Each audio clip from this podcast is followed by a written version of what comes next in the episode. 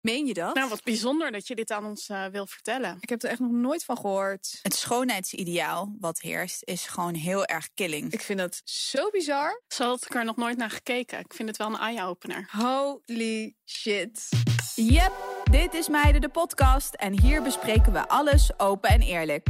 Ik ben Jelise trouwens, hoofdredacteur van Linda Meiden en host van deze podcast. Naast mij aan tafel altijd een leuke, toffe en inspirerende gast... En iemand van de Meiden-redactie die ons gaat voorzien van de facts en figures over onderwerpen die we hier behandelen. Denk aan seks, liefde, self-love, menstrueren, ambities, orgasmekloof, geld. Nou ja, genoeg om te bespreken. Laten we maar beginnen.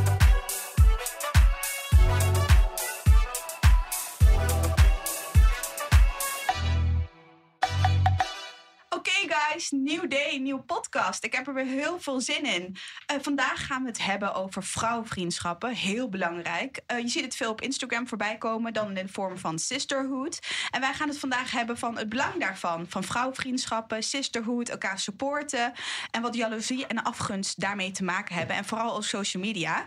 Dat doe ik vandaag met weer fantastische gasten. Doen we weer een tromgeroffel? Ja, we doen een tromgeroffel.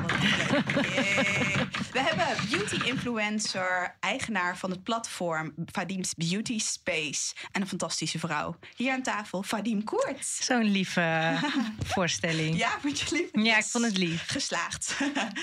Daarnaast heb ik mijn eigen psycholoog en therapeut. En fantastische vrouw met altijd wijze adviezen natuurlijk. Want ze heeft heel veel kennis. Dus ze gaat vandaag ook even vanuit die hoek ons uh, um, ja, tips en tricks geven hoe met dingen om te gaan. Frederik Bikker. Dankjewel, Jelis. Hallo. Hallo. En natuurlijk sluit ook altijd iemand van de meidenredactie aan. Want uh, we hebben natuurlijk iemand nodig die even de boeken induikt... en die de feitjes en de cijfers en de weetjes voor ons uh, uh, paraat heeft. En dat is vandaag ba Gabi Boterkoper. Ik wilde Babi zeggen. Babi. Ja, je bent ook een beetje mijn Babi, mijn baby. Goed, uh, we gaan het dus hebben over vrouwvriendschappen. Um, en als, um, ik wilde gewoon eventjes vragen aan jullie van als ik dat dus zeg, want uh, sommige van mijn vriendinnen, ik gooide dat ook in de groep en dan uh, waren er een paar die dan zeiden yes, vrouwvriendschappen, ja en sisterhood en het mag wel wat meer. En de anderen zeiden jezus, weet je, ja dat vrouwvriendschappen, dat vind ik altijd zo zwaar klinken. En ja, wat is dat nou precies? Wat roept het bij jullie op? Vadim, wat roept het bij jou op? Ik vind het ook wel een raar woord, vrouwenvriendschappen. ja? Voor mij is het gewoon, je hebt gewoon vrienden, vriendinnen. Maar vrouwenvriendschappen vind ik ook wel een beetje een gek woord. Ja, ja je denkt gewoon vrienden zijn vrienden. Ja, voor mij wel. daar, heb je, daar hecht je bepaalde waarde aan. Ja. Ja. En jij, Frederik? Ik denk dat het uit een hele oude cultuur komt. Dat vrouwen gewoon heel erg gewend waren vroeger om met elkaar te gatheren in een soort van community. Mhm. En dat dat gewoon nog steeds een beetje zo is. Want vrouwen bepaalde thema's hebben die ze gewoon liever met elkaar bespreken dan bijvoorbeeld in een man-vrouw vriendschap. Mhm. En je ziet dus gewoon nog steeds dat veel vrouwen meer vriendinnen hebben dan mannenvrienden. Dus dat vind ik wel interessant om te zien. Ja. En ja, ik vind uh, vrouwenvriendschappen klinkt een beetje zwaar inderdaad. Maar ik hecht wel veel waarde aan mijn vriendschappen met mijn vriendinnen, laat ik het zo zeggen. Ja. ja, dat snap ik. En jij, Gaap? Ja, ik vind vrouwenvriendschappen zo klinken alsof het één groot drama is of zo. Ja. Als je het zo gaat noemen, dan is het blijkbaar heel dramatisch en oh my god, roddelen de hele tijd, maar achterom elkaars rug ook nog heel veel roddelen en eigenlijk ja. niet elkaar heel leuk vinden. Ik weet niet of dat nog heel erg van deze tijd is. Ik heb het idee dat iedereen wel selectiever wordt met wie, met wie ze bevriend zijn en met welke vriendinnen ze in de long run, zeg maar, vrienden blijven. En dat die kattigheid en zo, dat dat een beetje Ja, van heel erg van de jaren 2000. Of Ja, als je 16 bent, zeg maar. Doe me nou toch niet Ja, meer. ja, Ja. precies. Maar het was wel grappig, hè, dat dus eh, het woord vrouwvriendschappen... Misschien is het ook het- dat het Nederlands woord is, hè. Want het is vaak al... In Engels klinkt het vaak wat catchier. En dan in het Nederlands krijg je dan zo vrouwvriendschappen. Zo heel Ja. zwaar. Sisterhood klinkt al meteen een stukje gezelliger, Ja, toch? precies. Ja. Ja. dat willen we. En dan vrouwvriendschappen. Nou, dat weet ik niet. Nou, dat dat, eh, liever niet. Nee, oké. Hey, eh Vadim, heb jij, ehm, hoe, hoeveel hechte vrouwvriendschappen heb jij in je leven? Niet veel. Nee? Maar ik, Vertel. nee, nee, echt wel een kleine cirkel. Maar met, Mhm. de, met die cirkel ben ik wel echt super close. Ja. Ik ben wel iemand die snel in een vriendschap. ehm, sommigen hebben dat ze, dat ze toch nog wel een beetje afstand hebben. Bij mij is het gelijk van, ja, wat van mij is, van jou, zeg maar. Mooi. Ja. En wat, eh, wat, eh, welke waarde hecht je daaraan? Of wat, wat, wat haal jij daaruit uit die vriendschappen? Mm, ik denk toch wel rust of zo. Ja, ik denk toch wel rust. Want ik heb, ik heb kijk, mijn, mijn vriendinnen, ik weet ook gewoon van hun dat ik alles tegen hun kan zeggen en dat ze me nooit zullen veroordelen. Ze zijn het heel vaak niet eens met dingen die ik doe. Tuurlijk, dat is menselijk, maar ze zullen me nooit judgen of zo. En dat is denk ik, dat is heel bevrijdend of zo. Sna- snap ik. Ja. Dat is volgens mij heel belangrijk dat dat kan als je Ja. vriendschap hebt. Maar dan ga ik eigenlijk direct naar jou, Frederik. Want Mhm. dan moet ik gelijk denken van, is dat, wat is nou zo belangrijk aan een vriendschap? Ik denk gewoon dat wij als mensen echt gewired zijn voor verbinding. Dus we hebben als mensen allemaal connecties en relaties nodig. En die kwaliteit van die relaties bepaalt gewoon voor een heel groot gedeelte, denk ik, hoe eh, goed we ons voelen. Het bepaalt voor een gedeelte ons geluk. Dus als we kijken naar vriendschappen, ik denk dat wij als mensen altijd in community vroeger hebben geleefd. Dus we hebben gewoon mensen dicht bij ons nodig. Hè, om diepe gesprekken mee te hebben, om lol te maken, om dingen te leren van elkaar, om rust te vinden bijvoorbeeld. Dus allerlei aspecten van een vriendschap komen daar. Verbinding, een relatie kan ook een zusje of een nichtje zijn, weet je. Maar die, die relatie is gewoon heel erg centraal vaak voor mensen in hun welzijn.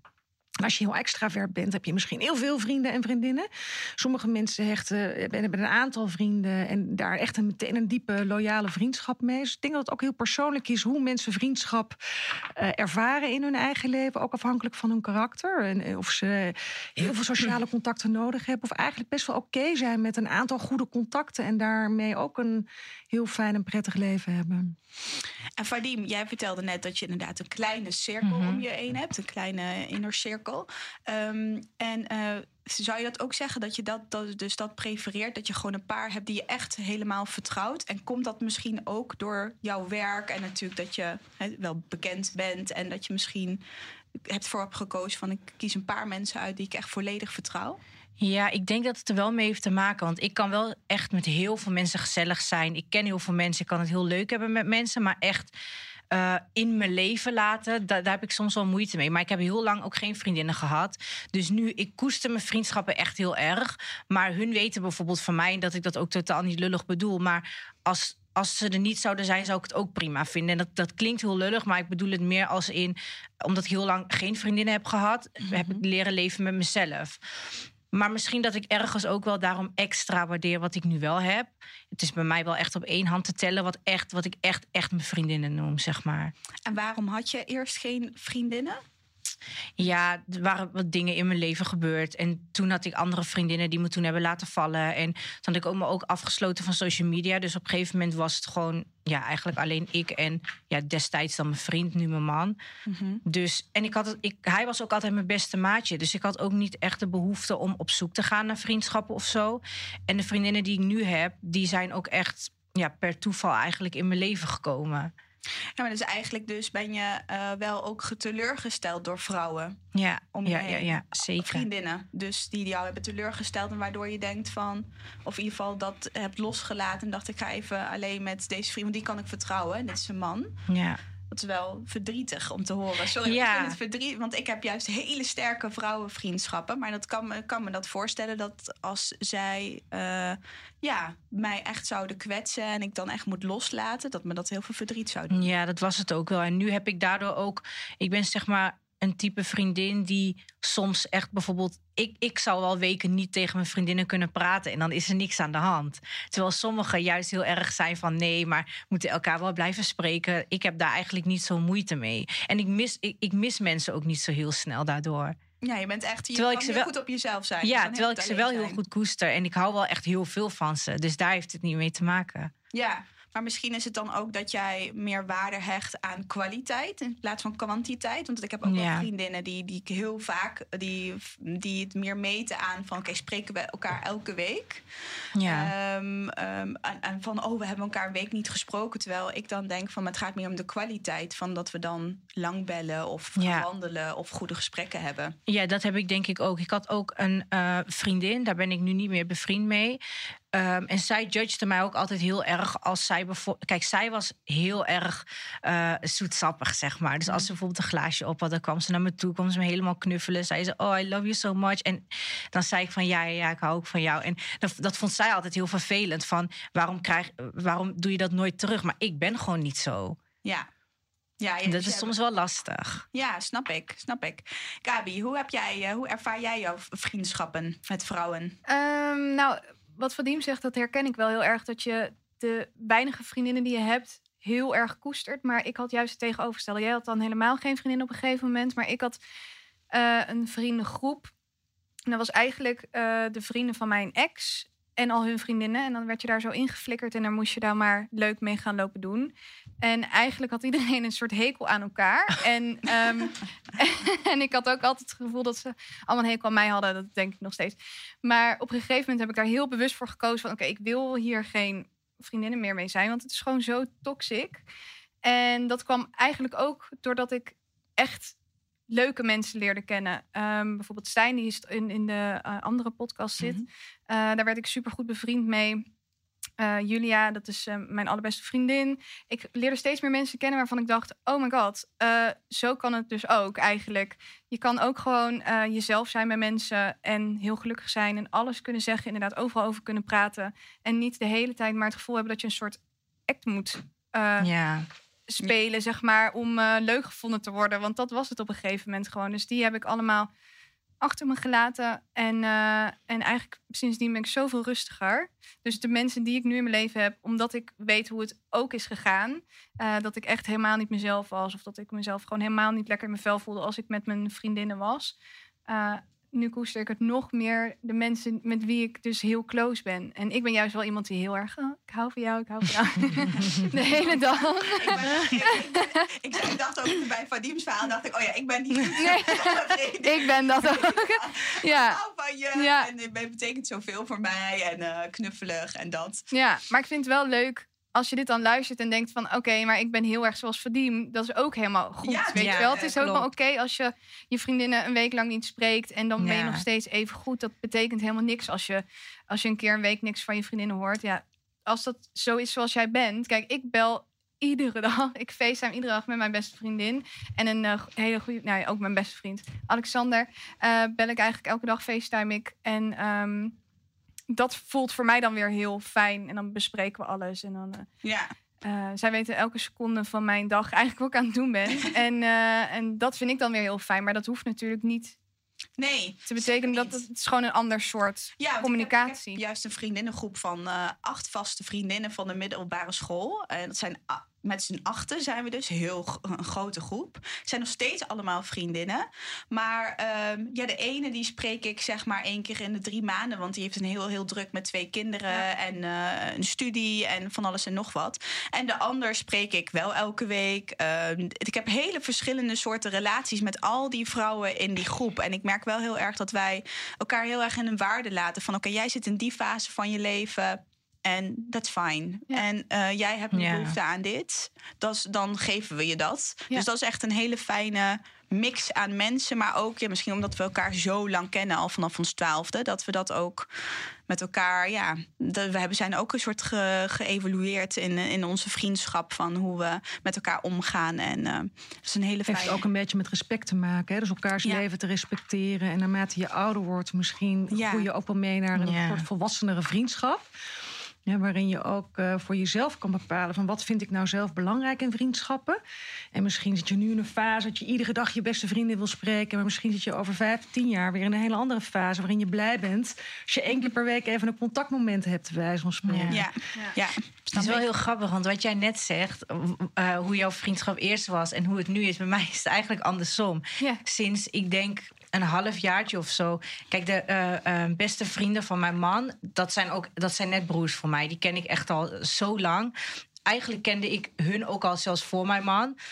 En zijn beste vrienden, die zijn nu ook bevriend geworden met mijn vriendinnen. Dus nu zijn we eigenlijk één groepje geworden. En sinds kort gaan we zelfs elke maandag komen ze dan langs voor onze dochter. En dan gaat elke maandag iemand anders van ons koken. Dus bij ons is het eigenlijk net andersom. Ja, Dat we nu ineens zo'n groepje hebben waar iedereen een beetje in is maar het is toch super fijn dat iedereen het dan ook echt kan vinden met elkaar. Ja. Want dat is natuurlijk ook nog maar de vraag als je inderdaad iedereen op een hoop gooit en denkt van oké, nou ga maar leuk doen met elkaar.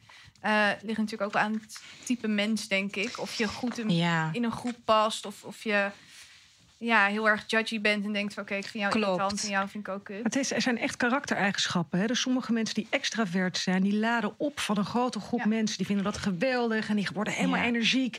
Maar de meest, de wat meer introverte mensen, die hebben behoefte om meer één op één contact te hebben. Die vinden het wat lastiger in een groep en die verliezen daardoor energie. Dus die zullen het moeilijker hebben. Ja. En ja, Ja. de- de- het, wat jij omschrijft is eigenlijk bijna een soort familiegevoel. Weet Ja, je wel? dat is En het ook echt. Ja. Dat is, eh je krijgt meteen een warm, gevo- gezellig Ja. gevoel bij, wat natuurlijk heel waardevol kan zijn. Ja, ik en wil heel er ook bij is. horen. Ja. Wanneer mogen we komen? Ja. Wij komen maandag. Wij Maar het komen klinkt dus bij. heel veilig, hè? Wat jij omschrijft in, Ja. in die vrienden van je man. hè, Het voelen als broers voor mij. Dan krijg ik meteen ook een heel veilig gevoel Ja. bij. En dan weet je gewoon, als het echt een, een brotherhood, sisterhood is... ja, precies. dat het wel een soort een dieper pact voelt het dan Ja. meteen. En niet een oppervlakkig eh, gezellig, we hebben net iemand nieuws leren kennen... Nee, maar we weten niet helemaal wat we eraan hebben. Ja, Dus een andere, andere relatie. Ja. Maar ik merk ook wel dat ik echt wel vriendinnen heb die allemaal soort van voor iets anders fijn zijn. De een is, denk ik, als ik bijvoorbeeld ga shoppen, denk ik, nou, dat, dat is echt, die is echt perfect daarvoor. Met de een moet ik absoluut niet uitgaan en met de ander weer wel. Ja, ja. Ja. dus dan heb je ook gewoon voor verschillende momenten verschillende Precies, vriendinnen. Hey, eh, maar ehm, eh, we, we hebben het hier ook natuurlijk over vrouwvriendschappen. En, daar wordt, na en over sisterhood en dat soort dingen. En daar wordt heel veel over geschreven. Toen, eh, ik ben ook in de boeken gedoken, Karin, niet alleen jij. Ehm, en ehm, ik wil dat even aan Frederik voorleggen van is dit nou zo? Want ehm, ik kwam nogal wat koppen tegen van artikelen waar ik nogal van schrok, waar ik me totaal niet in kon vinden. Maar dat een greep. Waar veel vrouwen werken, ontstaat een slangenkuil. Om met vrouwen samen te werken moet je een dikke huid hebben. Vrouwen gunnen elkaar minder snel een promotie. Nou ja, en zo ging het nog wel even door. Eh, dat allerlei artikelen dat, nou ja, erop wijzen dat wij vrouwen hele venijnige wezens eigenlijk zijn. Die elkaar het niet in de ogen gunnen. maar ehm, ja, ik zie dat wel eens op social media. Dat ik denk, nou jongens, moet dit? Dit soort berichten onder elkaars eh, foto of wat dan ook. Maar ik ervaar het niet zo. Maar wat, wat is jouw eh, visie daarop als psycholoog? Ja, dat is, het is een goede vraag. Ik denk dat vrouwen van nature ietsje emotioneler zijn. Dus ook op een werkplek zou je wat sneller emotionele reacties kunnen krijgen. Waarin mannen misschien iets minder uit die emotie blijven. En wat meer naar de facts en het rationele blijven. Wat niet wil zeggen dat mannen niet dit soort dynamieken ook op de werkvloer hebben. Kijk, ik spreek bijna net zoveel mannen inmiddels als vrouwen. Dus het feit dat mannen aan de bel trekken voor hulp is ook wel interessant. Maar die omschrijven dit ook. Hè? Die doen dat alleen anders. Dus de afgunst, de jaloezie, de onzekerheid... die ook mannen onder elkaar onderling hebben... uit zich op een andere manier. En dat schept wat verwarring. Dat mannen wat meer het voor zichzelf houden... meer schaamte op jaloezie en, en onzekerheid zitten. Wel vrouwen al sneller met elkaar misschien even... net even een 1 tweetje pakken over die anderen... die net weer even... Ja. En dat is de dynamiek van vrouwen... die soms een beetje manipulatief en toxic kan zijn... Ja. Hè, maar ik denk wel dat mannen en vrouwen tegelijkertijd ook weer wat dichter naar elkaar groeien. Hè? Dus vrouwen krijgen steeds meer mannelijke energie en worden steeds autonomer. En mannen worden eigenlijk wat kwetsbaarder, ook door de kracht van vrouwen. Dus wat dat betreft denk ik ook wel dat het allemaal ietsje meer naar elkaar toe groeit, eerlijk gezegd. Ja, en eh Vadim, want jij bent natuurlijk eh, ook eh, influencer en zit op social media. Ervaar jij dat ook, dat het wat minder wordt? Dat we elkaar iets meer supporten en... Ehm, ik zie wel dat het echt wel, wel, wel meer aan het licht komt van... hé hey jongens, dit kan echt niet. We vrouwen moeten elkaar juist eh, eh, upliften. Maar ik moet zeggen, als ik kijk naar mijn eigen comments... dan, dan is het eerste wat in me opkomt... vrouwen zijn echt gemeen. Ja, ja ik had, ik had, eh, we hadden net gepost of je nog vragen had voor jou. En toen stuurde een vrouw een super lief bericht. Dat ik jou door moest geven. eh Belies heet ze. eh, dat wat een fantastische vrouw zij jou vindt. En dat dat wel meer ge- ook vaak wel gementioned mag worden. Ook als moeder, als vrouw, als zakenvrouw. En dat ze het best wel betreurt van wat ze dan soms onder de post leest. Ja, dat is lief. Ja, super lief. Ja. Maar ehm, ja, want hoe, hoe eh, ervaar je dat dan ook dat het, dat het veel vrouwen zijn die dat doen? Of is het vooral mannen? Ehm, Of ja, het- kun je- kijk, ik heb zeg maar twee, twee soorten comments vaak. De comments die over mijn relatie gaan, omdat mijn man van een andere eh, afkomst is, dat zijn vaak de mannen. De vrouwen die, die vinden dat helemaal niet erg. Die hebben zoiets van je moet lekker gaan met wie je wil. Maar als het gaat om uiterlijk, dat soort dingen, zijn het eigenlijk bijna alleen maar vrouwen. Ja, die venijnige opmerkingen maken. ja, en doet, je dat, doet het je dat meer dan bijvoorbeeld dan, de, dan als een man dat eh, die opmerkingen maakt? Nee, dat maakt voor mij niet echt verschil. Nee, het zijn gewoon venijnige opmerkingen. Ja, precies. Ja. Ja, en ehm, hoe probeer jij... Want ik vind, eh, wat ik dus wel ehm, mooi vind... is wel dat ik aan jouw platform... en jij bent best wel... Ik ken je niet zo heel goed, maar ik een beetje. Hè, je bent best wel open en toegankelijk... en eigenlijk heel, draagt heel erg dat support elkaar uit. Hè, zonder dat je daar eigenlijk post over doet of zo. Van je moet elkaar supporten, maar je draagt dat heel erg uit. Ehm, hoe probeer jij nou vrouwen te verbinden? Hoe probeer jij te zorgen dat vrouwen dat misschien minder eh, doen of met je social media platform iets bij te brengen? Dat is een hele goede vraag. Ehm, ik zou het niet weten, denk ik, op wat voor manier ik dat doe. Ja, dat de- ik, ik, als ik het voor jou in mag vullen, doe je het dus bijna nat- van nature, zonder daar ja, net dat druk, idee nadruk een op beetje. te leggen. Ja. Dus dat is wel grappig om te zien. Maar heb jij dan heb je iets wat jij dan volgt of ehm, op social media bijvoorbeeld wat je zelf dan inspireert om dat meer te doen, bijvoorbeeld? Ehm, ja, soms heb ik het. Ik heb het er wel soms over als ik bijvoorbeeld live ga, dat soort dingen. En dan merk ik ook wel dat mensen dan inderdaad wel zoiets hebben van. Ja, je hebt wel gelijk. En ik krijg ook wel heel vaak berichtjes van mensen die hun excuses aanbieden. Oké. Dus, Dus er ergens helpt ja. het wel, zeg maar. Het is ook een soort. Wat, hoe zie jij dat, Frederik? Is het een schreeuw om aandacht? Is het wel jaloezie? Wat zijn Het is die gewoon een, collectief onzekerheidsstuk, vermoed ik. Dus mensen die dit doen, vergelijken zichzelf eigenlijk constant met anderen. En als je niet goed voelt over jezelf, dan krijg je die leaking frustration. Die, die lekt gewoon in dit soort berichten. Hè? Dus Ja. eigenlijk, hè, je moet een dikke huid hebben om daar. Ja, misschien moet ze eigenlijk Ja. niet lezen, eigenlijk. Hè? Maar als je ze dan toch leest, weet dan ook dat het niks met jou te maken heeft. Dit, dit is eigenlijk een stuk van die ander. Die projecteert negativiteit op jou. En het, het grappige is, als mensen nou leren wat positiever naar elkaar te zijn en elkaar juist positieve feedback te geven, dat ze zichzelf eigenlijk veel beter gaan voelen. Ja. Op het moment dat jij een rotopmerking plaatst, tik je eigenlijk iemand naar beneden. En onbewust lekt daar heel veel energie weg uit je eigen systeem. Want het is allemaal toxisch. eh, het is heel negatief. Terwijl als. als ik een comment onder jou of jou, weet je, de, iets positiefs zet. Van wat leuk dat je dit gedaan wat ziet het er goed uit of fantastisch. Het is zo positief. Je gaat er zelf ook meteen, weet je, je wordt er zelf ook meteen vrolijk van. Ja. En alleen Ja. die, die haatmail en zo, die- ja, die comments, het is heel anoniem. Dus mensen kunnen hun eigen onvrede en hun eigen ja, minderwaardigheid heel makkelijk projecteren Ja. op andere mensen. En dat is best zorgelijk dat dat zomaar kan. Hè. Dat, dat, dat, eh, ik hoor er veel mensen in mijn praktijk over die een platform hebben of die, die, eh, die- bekende Nederlander zijn, bijvoorbeeld, ze ontzettend moeten incasseren Ja. op dit soort stukken. En dat het echt wel heel pittig is. Ja. Ik herken me daar wel in. Want inderdaad, als ik bijvoorbeeld een keer ergens ben en iemand heeft bijvoorbeeld iets leuks aan. Heel simpel. Dat ik bijvoorbeeld zeg: Oh, wat heb je een leuk jurkje aan. Ik voel me daarna inderdaad ook altijd meteen heel goed. Ja. Ja. Ja. Ja. Ja. omdat je incheckt met elkaar op een positief niveau. En je zegt eigenlijk, ik zie jou, want wat, wat ben je leuk. Wat, ik zie iets wat mij inspireert. Ja. Dus je maakt en contact met de ander... want je krijgt meteen vrolijke, hè, een vrolijke respons terug over het Ja. algemeen. En dan heb je win-win aan allebei de kanten. Hè? Dus het Ja. is... ehm, Ik denk ook wel dat dat echt de grootste, de grootste vraag is over dat soort comments. Van waarom doen, plaatsen mensen dat? Ik vind het altijd heel bijzonder om Ik, te zien. ik snap Ja. het ook echt niet. Ik snap hem echt niet. Ik snap best dat je.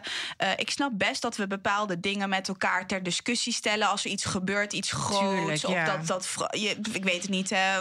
ik, ik, ik kan niet echt een voorbeeld eh, noemen. Maar ik ben natuurlijk ook journalist. Dus er mag best opinie gemaakt maar worden. dat is discussie. is iets anders dan iemand naar beneden Ja, tikken, ik- zeg maar. Hè? Ik vind dat zo vreemd. Eh, Ik, ik, ik zie inderdaad dat je achter je mobiel gaat zitten en dan van. nee. Eh, weet je, stom wijf. En ik Precies, weet niet wat want allemaal. tuurlijk, ik, ik zie ook zo vaak dingen dat ik denk, oh, wat ziet zij eruit. Kijk, ga niet gaan heilig doen. Dat heb ik heel nee, vaak. Tuurlijk, tuurlijk. Maar dat ga, ik echt, gewoon. dat ga ik echt niet bij iemand commenten. Dat is gewoon naar en gemeen. Tuurlijk, ik heb ook wel eens een, weet je dat, terwijl ik echt wel, eh, ook wel eh, women empowerment wil stimuleren en zo, dan betrap ik mezelf ook wel wel eens dat ik eh, iemand bekritiseer. Ja. Of als ik uit ben van, oh, weet je, ik zei bijvoorbeeld een keer tegen een vriendin van mij, zei ik tegen haar van, nou, die, die laarzen moet je niet doen hoor. En toen zei zij, nou, dat vind ik echt niks voor jou om te zeggen. En toen dacht ik, Oh nee! Dat Bij- bij- Bijna werd ik dus op mijn vingers getikt. Maar de, nog de next level dat je ook nog je mobiel pakt. En Ja. dan een soort allemaal gal gaat spuwen. Precies, want je over- weet dat je diegene een, een, een nagevoel ermee geeft. Dus waarom zou je dat doen? Het Ja. gaat dus om dat die persoon zelf Ja. zich gewoon niet goed voelt binnen in zichzelf. Het, ik zie ook vaak dat er patronen zijn, bijvoorbeeld vanuit het gezin van herkomst. Dat er vaak heel veel gegossipt wordt en lelijk wordt gesproken over andere mensen. Dat het een soort gewoonte is. En mensen wennen daar gewoon aan. En die, ja, die, die hebben gewoon dit soort communicatie. Om heel negatief en heel kritisch naar de buitenwereld te zijn. Ja. Maar ondertussen voel je je natuurlijk helemaal niet goed over jezelf. En dat is meestal wat ik tegen mijn cliënten zeg als die met dit soort punten komen. Van joh, probeer goed onderscheid te maken wanneer het over jou gaat. Wanneer je bijvoorbeeld iets ter discussie hebt. Dus wanneer iemand jou op iets, wat je zegt of wat je vindt. Of wanneer je het echt bij die ander kan laten, kan denken: oké, maar dit heeft volgens mij niets met mij te maken. Dit moet ik even laten waar het hoort. Ja. Ja, een goede tip, inderdaad.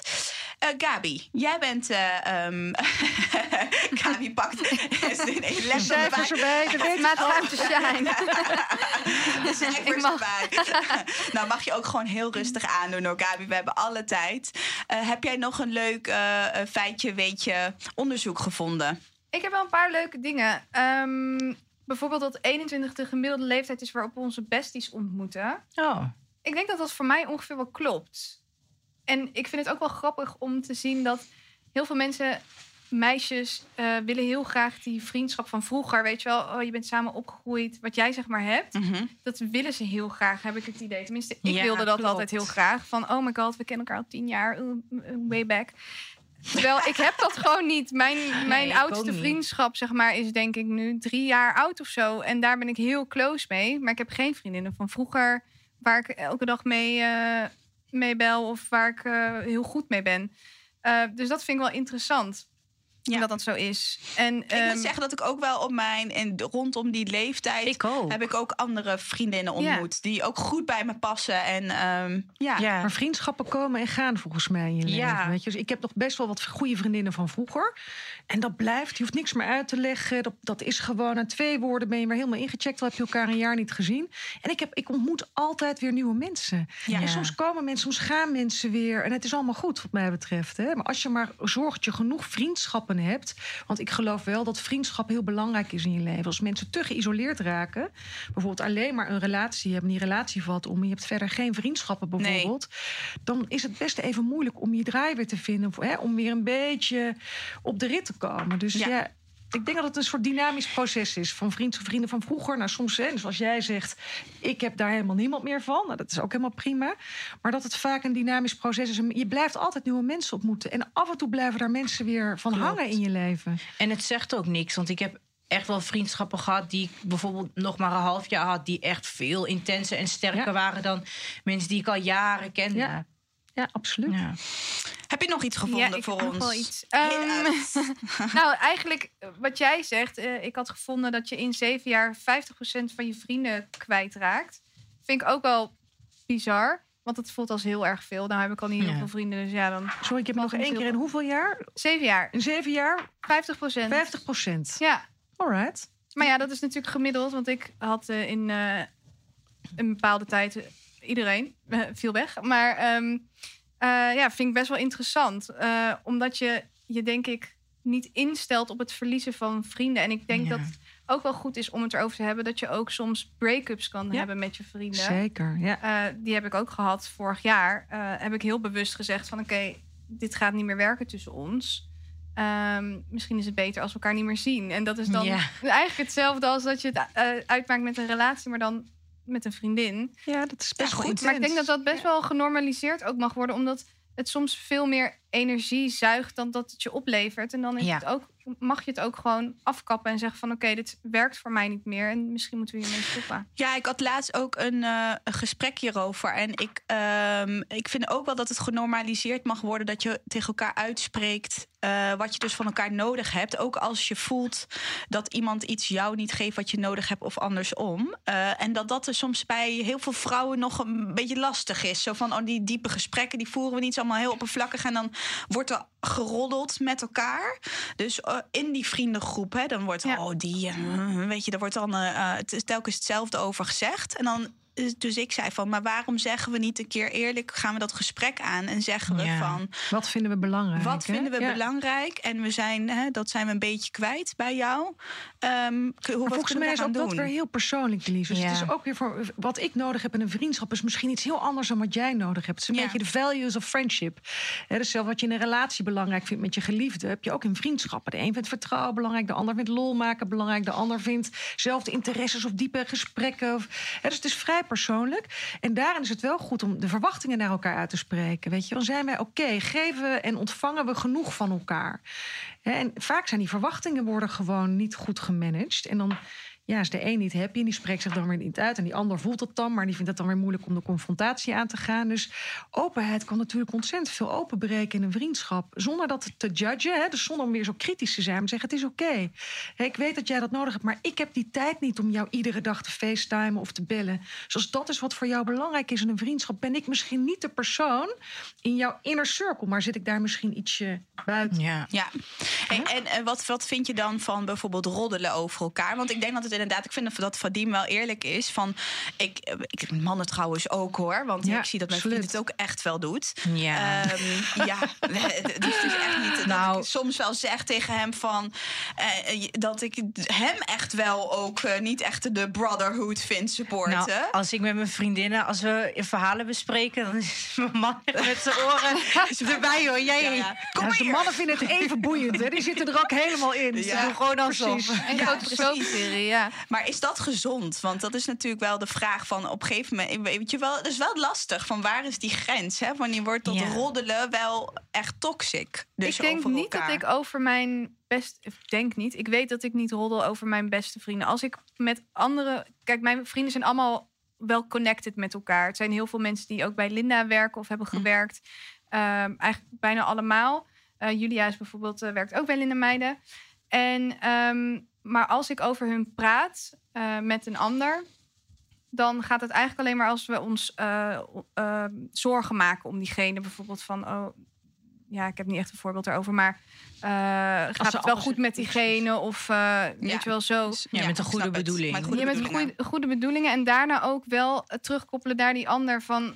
Oké, ehm, we hebben het hier over gehad. Daar gewoon heel open over zijn. En we maken ons zorgen over jou bijvoorbeeld. Ja. Zoiets. Roddelen, ik weet niet. Roddelen vind ik... dat doe ik ook genoeg. Maar niet over mijn eigen beste Nee. vrienden. Nee. Het is ook Nee. een beetje een jong energietje, vind ik Ja. altijd. Roddelen is doen kinderen van tien, bij wijze van spreken. Ja. En ik denk Ja. ook, als je echt lelijk begint te praten over een ander... moet je je afvragen, wat triggert die persoon nou in mij? Waarom heb ik nou dat, die behoefte Ja.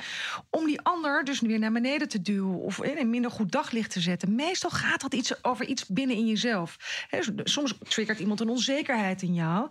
En dat vinden we dan lastig. En dan proberen we op die manier iets meer controle over dat gevoel te krijgen. Nou, en wat ik wel vind is, ehm, als ik eh, ook naar Vadim bijvoorbeeld kijk, en dat hij zelf heb ik bijvoorbeeld met Selma, wat ik, waar, waar ik het wel eens over heb gehad, vind ik wel dat ook bij biculturele vrouwen, eh dus denk ik een ander mechanisme misschien eh, aan de gang, maar volgens mij. Eh, hoe ik het zie, wij zijn een beetje geconditioneerd dat er plek is voor niet zoveel. Hè, dus één aan de top of misschien een paar die het hebben gemaakt, maar hè, niet al te veel. En dat er dan zo'n hele strijd is en dat er toch wel vaak ook jaloezie bij komt kijken van hey, die heeft het gemaakt of die heeft veel following of die heeft die toppositie. En ehm, dan mis ik wel echt soms dat stukje eh, women empowerment dat we elkaar supporten en steunen en Ja. blij zijn. Misschien is Maar- die niet helemaal mijn Maar we moeten leren. Of, Ja, maar om het en-en te maken. Dus we kunnen en kijken naar jou bijvoorbeeld. Van jeetje, Jelise, wat doe jij het goed? Fantastisch, weet je. En I envy you. Ik zou dat ook wel willen. Ja. Ja. dus zouden we niet naar een manier kunnen waarin het een soort practice wordt. Waarin je zegt van, ik vind jou geweldig. Je bent een voorbeeld voor me. Ik vind het fantastisch hoe je het allemaal doet. En soms heb ik een beetje dat jaloers gevoel. Denk ik, wauw, dat zou ik ook wel willen bij wijze van spreken. Dan, dan kunnen die twee stromingen een beetje naast elkaar bestaan. Waarin het er allemaal mag zijn. Want ik denk wel dat jaloezie soms ook een gezonde emotie kan zijn. Waarin je kan denken, wauw, ja, dat zou ik ook wel willen. Hè, Ja. Zonder dat het meteen naar afgunst hoeft te gaan. En afgunst Ja. wordt meteen een stukje gemener voor mij. Weet je, van ik gun jou dat succes niet.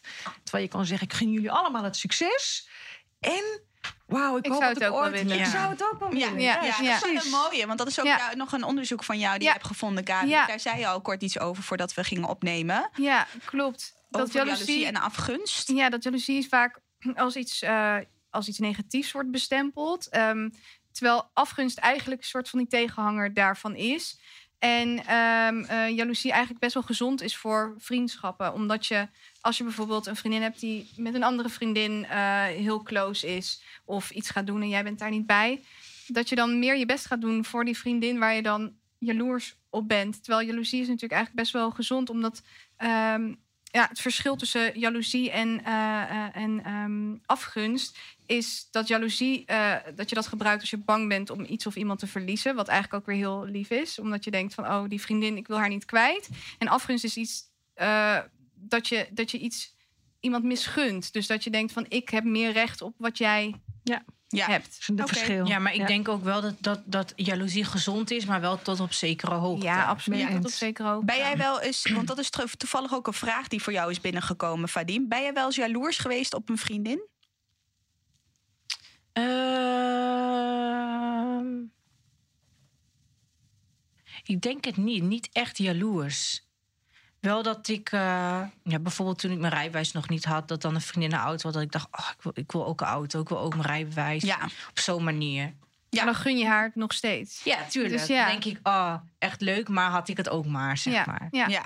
Ja, dus ik denk ook naarmate je ouder wordt, en misschien, ik ben volgens mij een stukje ouder dan jullie allemaal. Maar ik denk als je wat ouder wordt, dat je ook leert om daar wat makkelijker mee om te gaan en wat meer zelfvertrouwen krijgt. En dat die jaloezie ook wat meer wegvalt. Weet je, dat, dat je Ja. ook echt, ja, het heeft ook te maken met het feit dat je tevreden kan zijn met jezelf. En weet wat je eigen sterke kanten zijn, wat je minder sterke kanten zijn. Als je vriendinnen een keer zonder jou afspreken, dat je genoeg veerkrachten hebt om dat allemaal niet zo persoonlijk te Ja. nemen.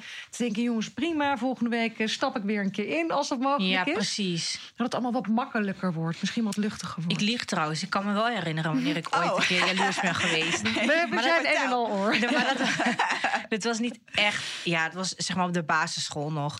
Maar ik weet nog dat ik altijd. Ik, was al, ik zat in de klas met alleen maar Nederlandse meisjes en jongens. Volgens mij op één iemand na of zo. En ik was toen wel altijd jaloers op mijn Nederlandse vriendin... die dan altijd al hadden gekust en gezoend. En ik niet. Ik was altijd wel een beetje het, het Turkse meisje. En hun hadden dan spraken dan altijd over... oh, eh, ik, ik, ik heb diegene eh, gebekt, zeiden ze dan. Ja, ja. En het zo was ik, wel, was ik wel jaloers dat ik dacht van... ja, waarom, waarom, hebben, hun, waarom hebben hun dat wel? Waarom heb ik Ja. met niemand gekust? Ja, ja. maar dat ik- was ik dus best herken een jonge energie, hè? Dan ben je dus nog best Ja, wel jong. Wat ik precies, ja. Ja. Ja, als ik dan naar mijn eigen dochtertje van de elf luister, die heeft het ook over dit soort dingen. Ja. Weet je? Ja. En toen dacht die, die is populair, die werd uitgekozen voor dat. Dat maakt me onzeker en ik was jaloers. En Ja. Ja, dat is ook helemaal oké. Maar Ja. als je op een gegeven moment heel erg jaloers bent, als je 15, 16, 17 of je wordt ouder en je kampt dagelijks met jaloerse gevoelens, kan het echt heel lastig zijn. Ja, zeker. Nee, ik, ik denk ook wel dat ik dat ook zo heb ervaren. Dat ik inderdaad, hoe ouder ik werd, hoe meer ehm, Rust er komt, rust er komt. En ik, ja, inderdaad, echt die women, en eh, de supporten van vrouwen. En ook eh, inderdaad jaloezie of afgunst, dat dat heel gezond werd. En dat ik helemaal niet zoveel naar andere vrouwen keek ook van. Ja. Oh, eh, meer gewoon als eh, kijken van bij jou kijk ik bijvoorbeeld van oh eh, wat doet ze dat goed met bijvoorbeeld beauty space tof en en bij die vrouw denk ik oh toppositie dan haal je daar gewoon de dingen de positieve dingen Mhm. uit niet meer zoveel van ik vroeger keek ik ook nog wel eens van oh eh, zij is al daar dus zij is al Ja. aan de, de top ik moet dat ook ik ben ook al 25 En misschien is dat wel een hele, heel goed punt. Hè? Ook een goede tip voor de luisteraars. Van vergelijk jezelf niet te veel met anderen. Ja. Want dat vergelijken, je ziet altijd iemand die, die knapper of beter of slimmer of meer succes. En met die hele social media is natuurlijk één grote killer voor je zelfvertrouwen als je niet oppast. Omdat, en dat zie ik in mijn praktijk echt ontzettend veel terug. Veel jonge vrouwen met ontzettende onzekerheid en met de ontwikkeling van allerlei problematiek als je niet oppast. Maar ga dus niet vergelijken. Probeer dus ook een beetje van de obsessie af te komen. Iedere keer te kijken wat die ander, want iedereen laat zich van zijn beste kant zien. En je weet nooit precies hoe het Ja. helemaal behind the scenes eh, plaatsvindt natuurlijk. En wat ik nog wel, eh, wat ik nog wel benieuwd naar was, Want ik kan me wel voorstellen, jij begon natuurlijk dat platform ook Beauty Space echt voor beauty tips en tricks. Ja. En eh, uiteindelijk werd het een platform voor van alles en nog wat. Wordt van- ja, alles Ja. besproken. Ja, alles wordt besproken. Wat ik ook heel mooi vind. Hè, want het is echt een soort van daar. Want waar heel veel merken en, en altijd op zoek zijn naar. ehm, ik wil in contact staan met de doel- doelgroep. Nou, daar gingen ze echt met elkaar in gesprek Ja. op dat platform. En dingen delen. Maar het was niet altijd helemaal heel positief over Nee. vrouwen. Maar ik kan me ook wel voorstellen dat je dan best wel moeilijk... want het is ten e- eerste, het is gewoon je job. Hè? Dus je ziet daar ook in van het mooie ervan... van een community die gecreëerd is. Maar het kan misschien ook een beetje ver van je afkomen te staan... omdat je denkt, nou, dat is niet echt hoe ik in het leven sta. Maar Ja. hoe ging je daarmee om? Ik heb een hele lange tijd heb ik ook heb ik de groep echt gehaat. Dat, dat er gewoon dingen gebeurden dat ik dacht, dit is. Dat, dat ik ook spijt kreeg dat ik mijn eigen naam eraan had gekoppeld. Op een gegeven moment dacht ik, weet je, ik, ik, ik ga dat ook niet doen. Ik ga het omarmen, want het is ook iets heel moois. Heel vaak worden er ook berichten in geplaatst van mensen die zeggen... nou, ik heb jarenlang geen vriendinnen gehad bijvoorbeeld... en ik heb vriendinnen via deze groep leren kennen... en we zijn nu echt supergoed bevriend geraakt. En dat is prachtig om te zien. Dus nu probeer ik het wel gewoon een beetje te omarmen allemaal. Ja, ja dus op een gegeven moment En dan- ging natuurlijk een soort Ja. eigen leven leiden. Hè? Ja. Dus ja, jij... Dat ik dacht, ja, oké, ja, ik ha- haal mijn handen ervan af. Ja. Het, is het is mijn groep, maar het heeft Ja. niks met mij te maken, zeg maar. Ja. Maar nu probeer ik dat wel een beetje een andere draai te geven. Ja, want dat vind ik dan best wel. eh, dat bedoel ik precies. Van de ene kant is het super mooi, die community. En er worden hele kwetsbare dingen ook Ja. best wel gedeeld. Over men, vrouwen over zichzelf.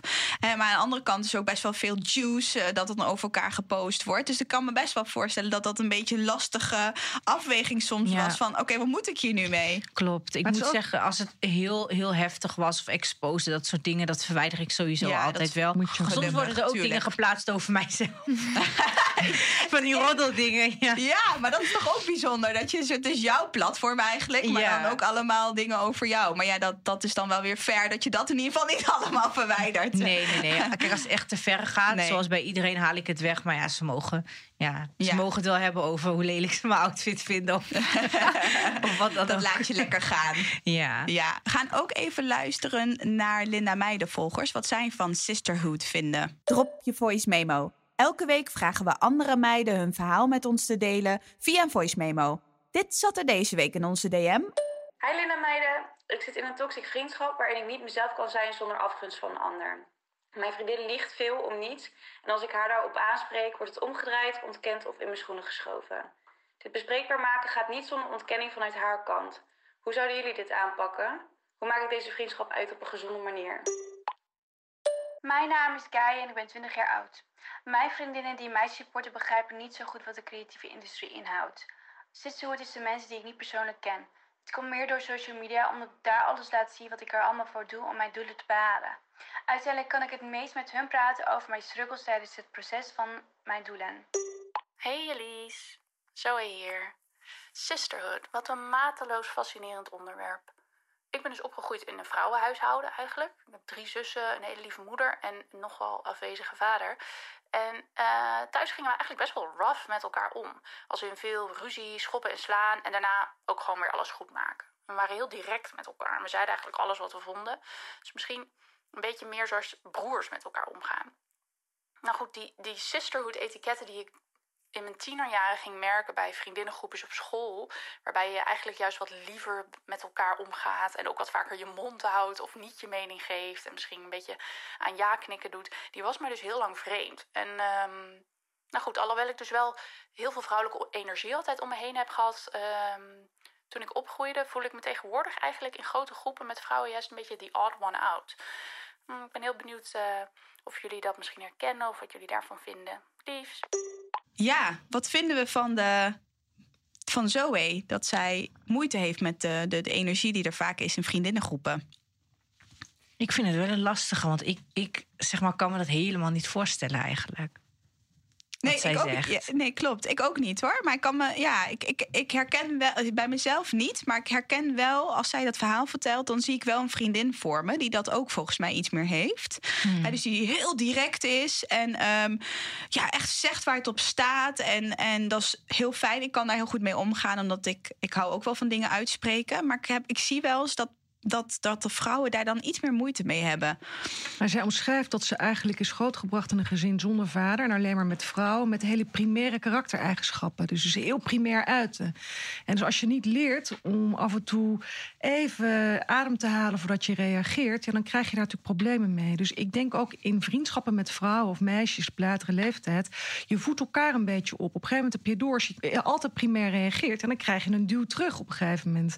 Dus ik kan me voorstellen dat sowieso zoekende is naar een manier waarin ze wel zichzelf kan blijven. Maar ze lijkt nog een beetje zoekende hoe die mannelijke, vrouwelijke energie of de primaire, het primaire uiten van gevoelens een beetje te balanceren in wanneer doe ik dat, wanneer is daar ruimte voor ja of nee. En dat is best wel even een procesje, kan ik me voorstellen. Ja, en, uh, en de andere, dus de, de, die, de, de vrouw die graag uh, afscheid wil nemen van, of in ieder geval afscheid heeft genomen, volgens mij al, van haar toxic relatie met een uh, vriendin.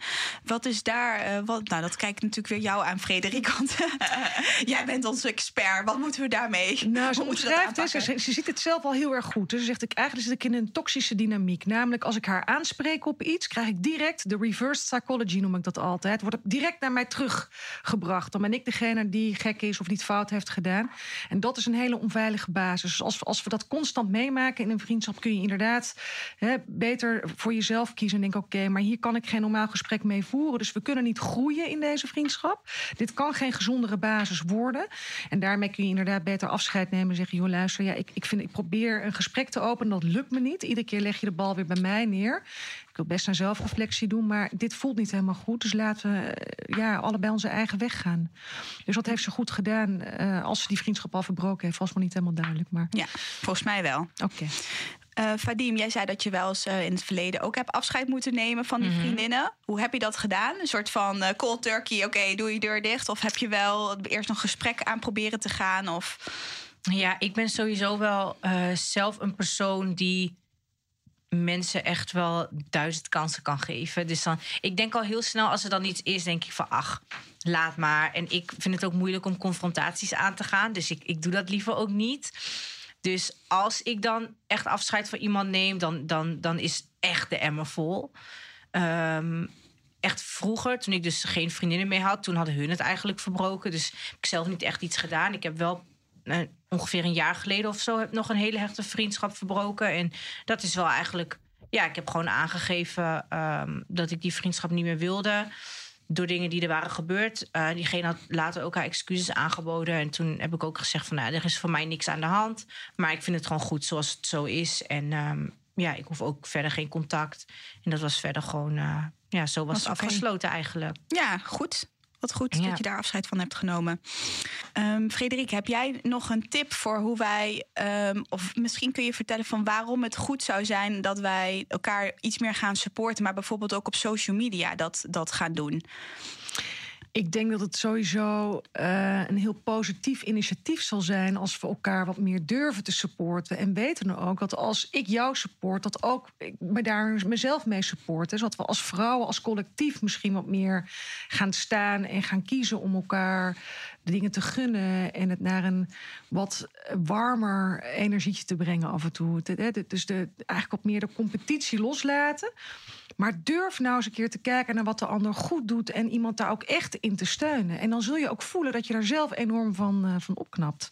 Ja. ja. dus het is een win-win. Als je zelf positief durft te zijn over de ander, dan zul je ook merken dat het juist ook jouw eigen zelfvertrouwen ten goede komt. Ik haal er altijd echt mega veel energie uit als ik een compliment geef yes. aan iemand. Ja. Als mijn beste vriendin, als ik haar facetime dus elke dag. uh, als zij, elke dag heb jij een compliment. elke ja. dag. nee, als, ik, als wij facetime bijvoorbeeld en zij heeft zich klaargemaakt en ze ziet er gewoon helemaal glowy uit en helemaal gelukkig. Dan zeg ik altijd, zie jij er goed uit? En dan ja. zie ik haar helemaal stralen en denk ik, oh my god, nou, mijn dag is ook helemaal gemaakt. Ja. Het is toch super fijn. En zo eenvoudig kan het zijn, toch? Ja, het is ja, ook leuker om te geven dan, dan te krijgen misschien nog wel. Ik vind het zo leuk om, om tegen iemand te zeggen van, wat zie je er goed uit? Of wat ben ik trots op je? Of, en ik denk dat dat binnen een vriendschap of op social media, maakt niet zo heel veel uit, gewoon super waardevol is als je dat kan ook. En misschien is dat iets wat je nog moet leren of dat je uit jezelf niet heel complimenteus bent. Dat kan natuurlijk. Ja, dat is maar wel interessant is... wat jij zegt. Ik heb iemand heel veel, of, uh, heel veel mensen hebben dat niet geleerd van thuis. Die hebben ja. nooit een compliment. Die hebben dat echt weinig gekregen. En dan geef je dat ook niet heel makkelijk. Nee. Dus als je weet van ik, ik ben dat niet echt. Ik vind het moeilijk om complimentjes te geven. Kan het ook gewoon voor jou een, een leuke practice zijn. Dat je iedere dag gewoon één iemand een compliment gaat geven. Ja. Gewoon eens kijken hoe je, je daarbij voelt. Gewoon ook al is het gewoon een random persoon op straat of zo. Want hoe leuk is als je op straat loopt en iemand zegt zo. Uh, wat zie jij er leuk uit? Is je haar leuk? Superleuk. Dat is Superleuk misschien nog wel leuker. kan Ja. super simpel zijn. Ja, Vadim heeft bijvoorbeeld hele mooie nagels waar ik al de hele tijd naar kijk. Dankjewel. Ja, maar dat is, dat is wel echt leuk. Want dat vind ik ook heel leuk. Als je gewoon van een random persoon Ja. op straat of zo een compliment krijgt. En eh, dat is zo, ehm, om een voorbeeld te noemen. Ik had, ehm, eh, ik had een keer een heel kort broekje aan. En toen had- liep ik eerst langs een stel mannen. Maar dat is ook een beetje hypocriet. Maar, dus die man die zei van, eh, zo, weet je, goede benen. Dus ik zo, "Mm, dankjewel. En toen ging ik naar de supermarkt. En toen was er een vrouw naast mij. En die zei, zo, dat broekje staat je echt heel mooi.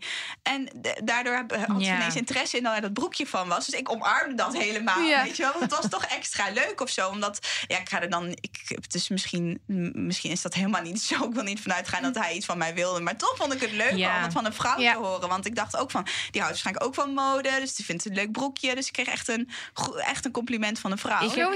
Ik. Ja, oh, sorry. Ik herken me daar wel in, want ik heb dat ook wel snel bij mannen. Maar juist als ik dan merk dat, het, dat een complimentje vanuit een man komt zonder bijbedoelingen, dat vind ik dan extra speciaal. Ik zat ook een keer in de trein en toen kwam een, eh, wilde ik net uitstappen. Toen kwam een ja, jonge man, die kwam naar mij toe en die zei: Dame, wat, zie- wat zie je er mooi uit. Fijne dag. Ik dacht zo, Ja. dat is echt heel lief. Ja. Ja. En hij sluit het ook af. Ja, Ja, zo Ja, van ik- daar. Ik wilde gewoon Ik dat hoef verder niets van jou. Ja. maar ik wil het wel even zeggen. Ja. Maar als we dit allemaal nou wat meer zouden doen, dan zou de wereld er toch veel leuker uitzien, Ja. jongens. Als we dus allemaal gewoon de moeite zouden nemen om één keer per dag of wat meer bewustwording daarbij te brengen. Dat is toch super gezellig? Dan krijgen we toch een superleuk eh, Ja. leuk leven met elkaar. Zeker, zeker. Dat, dat zouden dan, als iedereen dat inderdaad zou doen, dan zou je dus ook vaker complimenten ontvangen. Ja, en ook eens opletten hoe vaak je dat niet doet of kritisch bent naar de ander. Hè? Dus Mhm. als we allemaal wat meer op zouden letten, eh, bij, die, bij de kritische blik even misschien zouden kunnen wachten en denken: misschien zou ik hem om kunnen zetten naar iets anders. Ja. Ja, mooi. Nou, uh, Vadim, misschien voor de beauty, een space die nu Ja. Vadim's heet. straks een topic openen. ja, ga je een topic openen. Eh, We mogen alleen maar complimenten Ja, deze Alleen maar week. complimenten. Nee, super tof wat je doet. En ik ben heel blij dat de beauty, sorry, de Vadims weer geopend is. Dus eh, ga daar allemaal, ga het volgen. En ehm, ik wil de andere gasten van vandaag ook bedanken. Frederik, voor al je wijze lessen. Gaan we allemaal meenemen. Gedaan. Die nemen mee. Gabi natuurlijk voor de harde cijfers. Wat waren ze weer hard, hè? Niet te De doen. research die erin hebt gestopt. En eh, dan hoop ik jullie volgende week weer te horen. Dankjewel. Dat was hem voor vandaag. Slide in onze DM op Instagram, Linda laagstreepje meiden, voor vragen, tips of opmerkingen over deze aflevering. En blijf ons daar volgen voor alle updates over de podcast. Tot volgende week. Bye!